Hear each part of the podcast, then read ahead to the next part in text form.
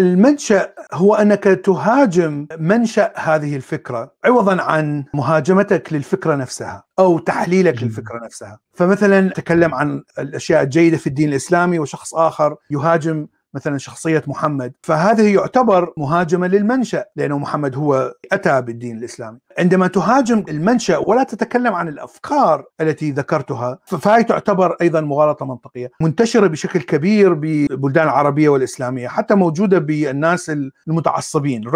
كثير من الناس مثلا يهاجم البوذيين ليش؟ لانه بوذيين بورما قتلوا كذا وكذا، زين شنو العلاقه هذا بالدين البوذي نفسه؟ يعني لا يوجد اي ربط، ماكو اي علاقه، يهاجم الدين المسيحي فقط لانه الحملات الصليبيه وكذا و... لكن هذا لا يعني ان الدين المسيحي نفسه هو خطا او, أو كله اجرام مثلا،